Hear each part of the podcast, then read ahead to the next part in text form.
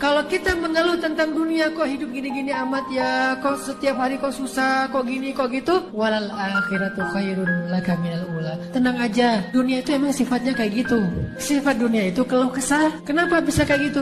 Karena dunia nikmat yang sedikit dibagi rame-rame. Kalau akhirat nikmat yang banyak dibagi sedikitan. Dunia itu nikmat sedikit banget, kecil banget, lebih ringan dari sebelah sayap nyamuk dibagi miliaran orang. Kebayang nggak tuh gimana sikut-sikutannya? Makanya wajar ada keluhan. Kalau akhirat, nikmat yang sangat berlimpah dibagi hanya sedikit orang. Jadi tidak ada keluhan nanti di akhirat. Ketika kita dalam keadaan keluh kesah, maka hiburannya walal akhiratu khairul Dunia ini emang keluh kesah. Kalau mau istirahat, tidak ada lagi kecewa, tidak ada lagi sakit hati, tidak ada lagi keluh kesah, wala khaufun alaihim walahum yahzanun, tempatnya cuma di surga.